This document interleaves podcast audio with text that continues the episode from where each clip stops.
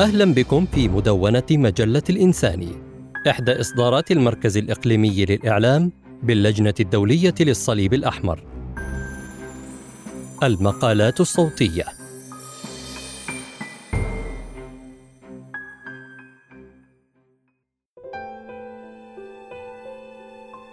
المرأة المسلمة والعمل الإنساني الشامل. أحمد الداوودي. وسامان ريجالي.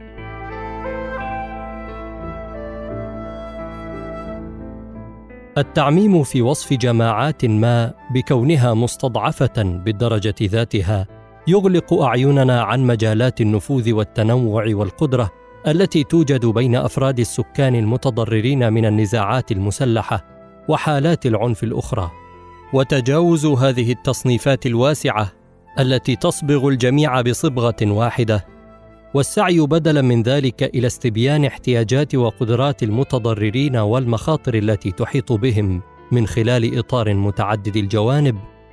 يضع بين أيدينا إمكانية تصميم أنشطة إنسانية تناسب الاحتياجات المطلوبة وإشراك السكان المتضررين في هذه العملية بوصفهم عناصر فاعلة ذات أبعاد تتجاوز حالة الاستضعاف.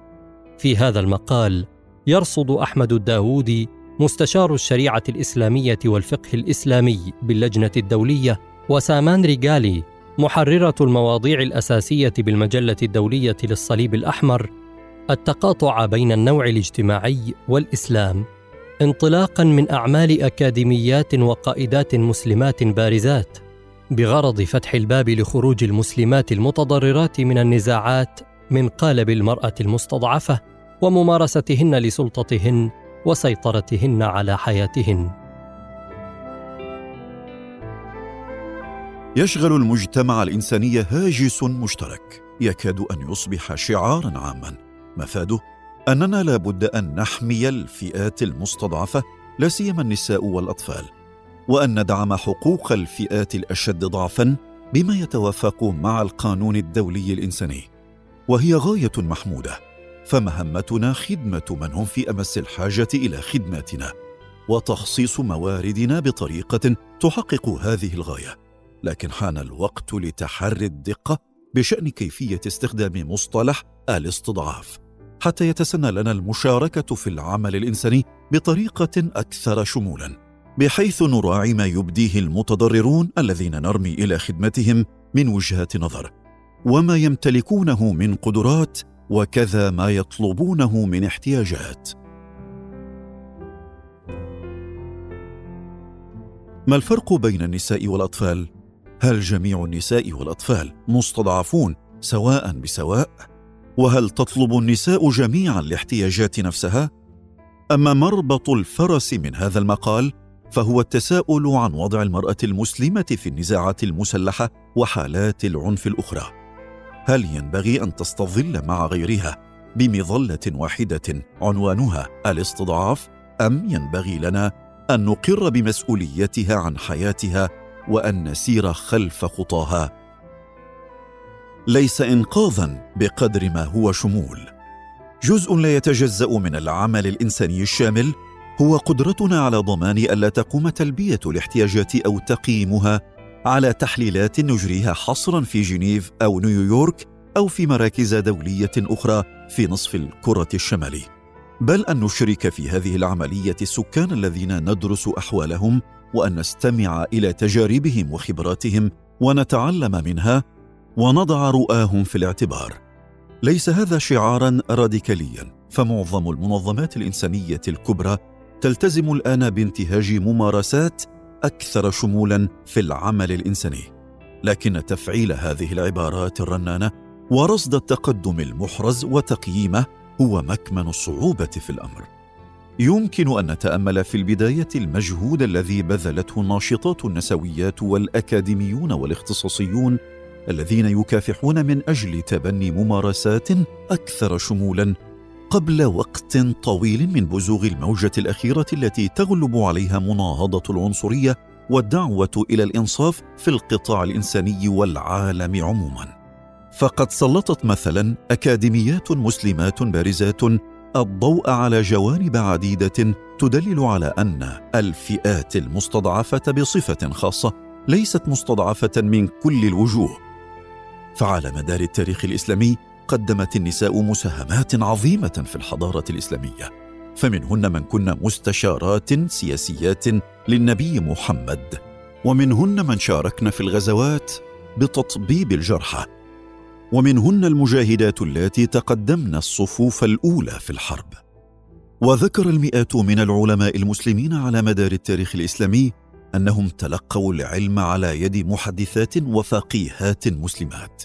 مثل ابن عساكر وهو عالم ومؤرخ مسلم عاش في الشام في القرن الثاني عشر متوفى سنة 1176 وتتلمذ على يد ثمانين عالمة مسلمة. كما شهد التاريخ الإسلامي حاكمات بارزات منهن كيو مالاهايتي التي تعرف أيضا باسم مالاهايتي المولودة في خمسينيات القرن السادس عشر.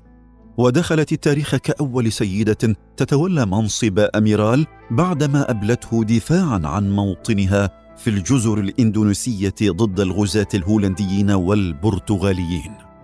استغلت الرائدات ببراعة استراتيجية التحيزات الموجهة ضدهن، لا سيما ما يتصل منها بالمعتقدات الإسلامية والمبادئ الحاكمة للنوع الاجتماعي في الكفاح من أجل انتزاع حقوق المرأة. وتتكئ كاتبات معاصرات مؤثرات مثل ليلى أبو لغد على تاريخ ثري عند الحديث عن حاجتنا إلى إدراك جدي للاختلافات الكبيرة بين النساء في العالم من حيث هي نتاج تواريخ مختلفة ومعبرة عن ظروف مختلفة ومظاهر لرغبات مبنية بطرائق مختلفة.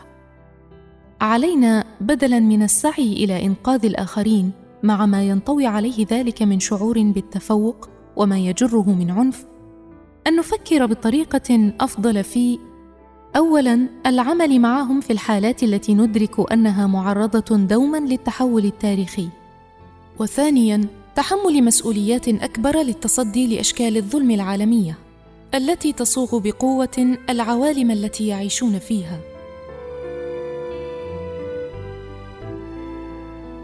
وجهت أبو لغد وأكاديميات مسلمات أخريات الأنظار إلى أن النساء المسلمات يعاملن كفئة مستضعفة ومتلقية سلبية للمساعدة في عمليات الإغاثة والمساعدة الإنسانية. وتسعى هؤلاء الأكاديميات إلى محاربة آراء بالية تقول بالحاجة إلى إنقاذ المسلمات وهي فكرة تنبني بالأساس على عملية صناعة الآخر التي تضرب بجذورها في الافتراضات المتعلقة بالخضوع والاستضعاف.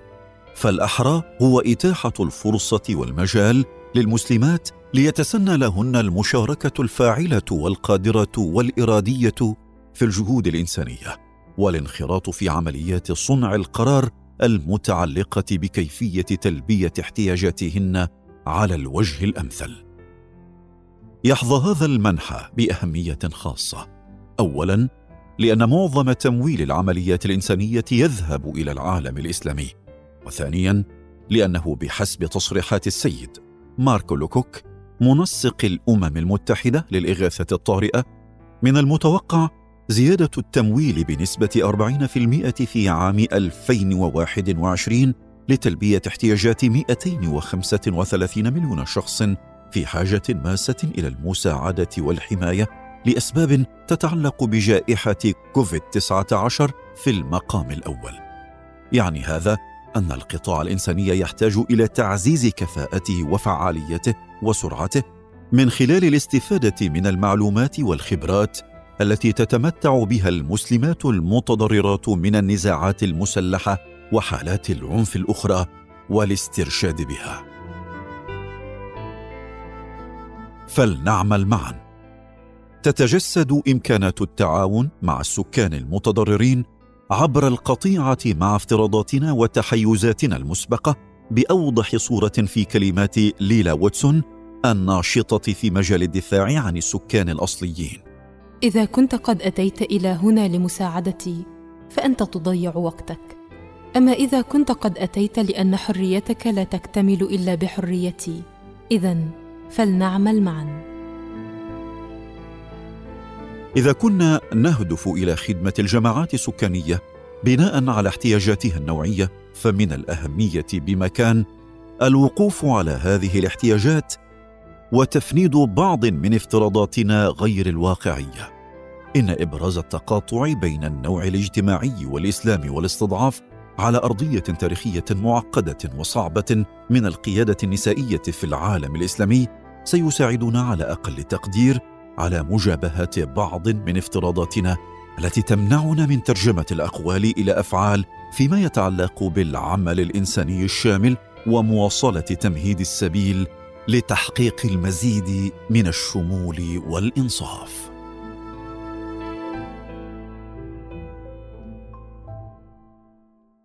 شكرا للمتابعة.